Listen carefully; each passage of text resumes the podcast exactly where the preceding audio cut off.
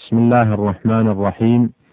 الحمد لله الذي سهل لعباده المؤمنين إلى مرضاته سبيلا وأوضح لهم طريق الهداية وجعل اتباع الرسول عليها دليلا واتخذهم عبيدا له فأقروا له بالعبودية ولم يتخذوا من دونه وكيلا وكتب في قلوبهم الإيمان وأيدهم بروح منه لما رضوا بالله ربا وبالإسلام دينا وبمحمد صلى الله عليه وسلم رسولا.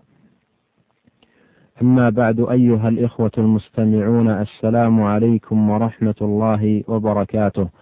لقد مر معنا في الحلقة الماضية قول الله تبارك وتعالى واذكر ربك في نفسك تضرعا وخيفة ودون الجهر من القول بالغدو والآصال ولا تكن من الغافلين. وبيان ما اشتمل عليه وبيان ما اشتملت عليه الآية الكريمة من الجمع بين الأمر بذكر الله والنهي عن ضده وهو الغفلة. وهذه الآية إضافة إلى اشتمالها على ذلك فقد دلت على جملة طيبة من الآداب الكريمة من الآداب الكريمة التي ينبغي أن يتحلى بها الذاكر.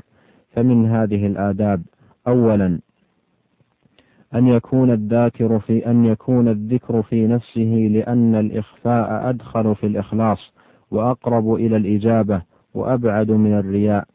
ثانيا أن يكون على سبيل التضرع وهو التذلل والخضوع والاعتراف بالتقصير ليتحقق فيه ذلة العبودية والانكسار لعظمة الربوبية.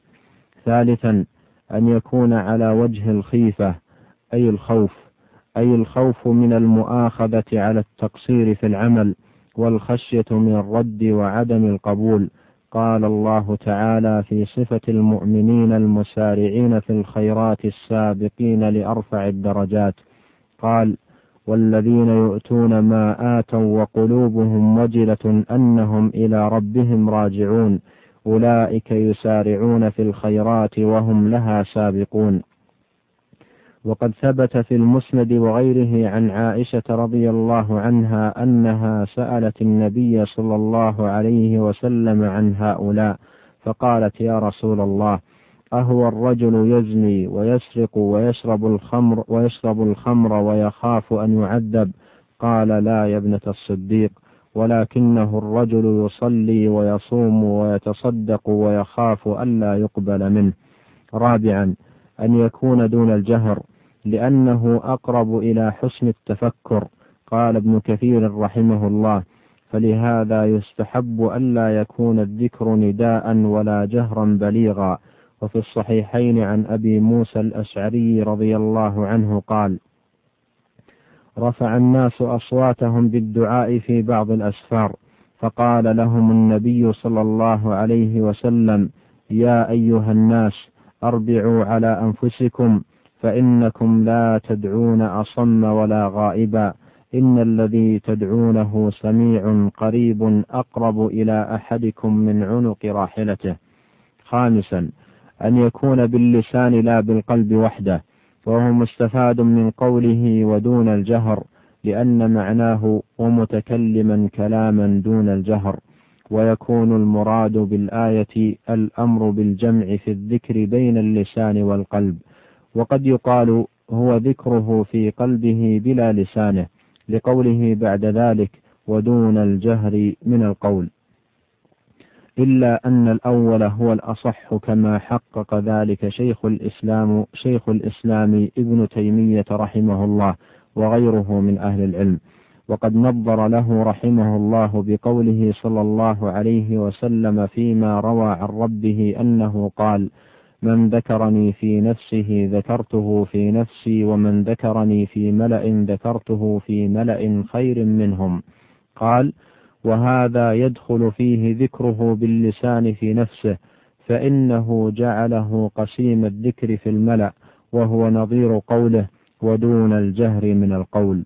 والدليل على ذلك أنه قال بالغدو والآصال. ومعلوم أن ذكر الله المشروع بالغدو والآصال في الصلاة وخارج الصلاة هو باللسان مع القلب مثل صلاتي الفجر والعصر والذكر المشروع عقب الصلاتين. وما أمر به النبي صلى الله عليه وسلم وعلمه وفعله من الأذكار والأدعية المأثورة من عمل اليوم والليلة المشروعة طرفي النهار بالغدو والآصال. سادسا أن يكون بالغدو والآصال أي في البكرة والعشي.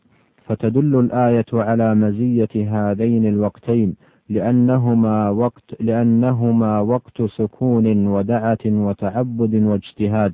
وما بينهما الغالب فيه الانقطاع إلى أمر المعاش. وقد ورد أن وقد ورد أن عمل العبد يصعد أول النهار وآخره. فطلب الذاكر فيهما فطلب الذكر فيهما ليكون ابتداء عمله واختتامه بالذكر. ففي المسند للإمام أحمد وسنن النسائي وغيرهما من حديث أبي هريرة رضي الله عنه عن النبي صلى الله عليه وسلم قال يتعاقبون فيكم ملائكة بالليل وملائكة بالنهار يجتمعون في صلاة الفجر وصلاة العصر ثم يعرج الذين باتوا فيكم فيسألهم وهو أعلم بهم كيف تركتم عبادي؟ فيقولون تركناهم وهم يصلون وأتيناهم وهم يصلون. سابعا النهي عن الغفلة عن ذكره بقوله ولا تكن من الغافلين أي من الذين يغفلون عن ذكر الله ويلهون عنه وفيه إشعار بطلب دوام ذكره تعالى والاستمرار عليه. وأحب العمل إلى الله أدومه وإن قل. فهذه سبعة آداب عظيمة اشتملت عليها هذه الآية الكريمة ذكرها القاسمي في كتابه محاسن التأويل. وللذكر آداب كثيرة أخرى ستأتي معنا إن شاء الله في حلقات قادمة. ثم إن الله تبارك وتعالى لما رغب لما رغب في الذكر لما رغب في الذكر وحث عليه في هذه الآية الكريمة وحذر من ضده وهو الغفلة ذكر عقبها في الآية التي تليها ما يقوي دواعي الذكر وينهض الهمم إليه بمدح الملائكة بمدح الملائكة الذين يسبحون الليل والنهار لا يفترون. فقال سبحانه في الآية التي عقب الآية التي معنا قال إن الذين عند ربك لا يستكبرون عن عبادته ويسبحونه وله يسجدون. والمراد بقوله إن الذين عند ربك أي الملائكة وقد وصفهم الله في هذه الآية بعدم الاستكبار عن عبادة الله وأنهم يسبحونه وله يسجدون. وهذا فيه حث للمؤمنين وترغيب لهم في أن يقتدوا بهم في أن يقتدوا بهم فيما ذكر عنهم لأنهم لأنه إذا كان أولئك وهم معصومون من الذنب والخطأ هذه حالهم في التسبيح والذكر والعبادة فكيف ينبغي أن يكون غيرهم؟ ولهذا يقول ابن كثير رحمه الله وإنما ذكرهم بهذا ليتشبه بهم. ليتشبه بهم في كثرة طاعتهم وعبادتهم ولهذا شرع لنا السجود ها هنا لما ذكر سجودهم لله عز وجل كما جاء في الحديث ألا تصفون كما تصف الملائكة عند ربها يتمون الصفوف الأول ويتراصون في الصف؟ وهذه أول سجدة في القرآن مما يشرع لتاليها ومستمعيها السجود بالإجماع. ويقول الشيخ عبد الرحمن بن سعدي رحمه الله ثم ذكر تعالى أن له عبادا مستديمين لعبادته ملازمين لخدمته وهم الملائكة. لتعلموا أن الله لا يريد أن يستكثر بعبادتكم من قلة ولا يتعزز بها من ذلة. وإنما يريد نفع أنفسكم وأن تربحوا عليه أضعاف أضعاف أضعاف أضعاف مما عملتم. فقال إن الذين عند ربك من الملائكة المقربين وحملة العرش والكروبيين لا يستكبرون عن عبادته بل يذعنون له وينقادون لأوامر ربهم ويسبحونه الليل والنهار لا يفترون. وله وحده لا شريك له يسجدون. فليقتدي العباد بهؤلاء الملائكة الكرام وليداوموا على عبادة الملك العلام. انتهى كلامه رحمه الله. والمقصود أيها الإخوة أن الله تبارك وتعالى لما نهى عباده لما نهى عباده عن أن يكونوا من الغافلين.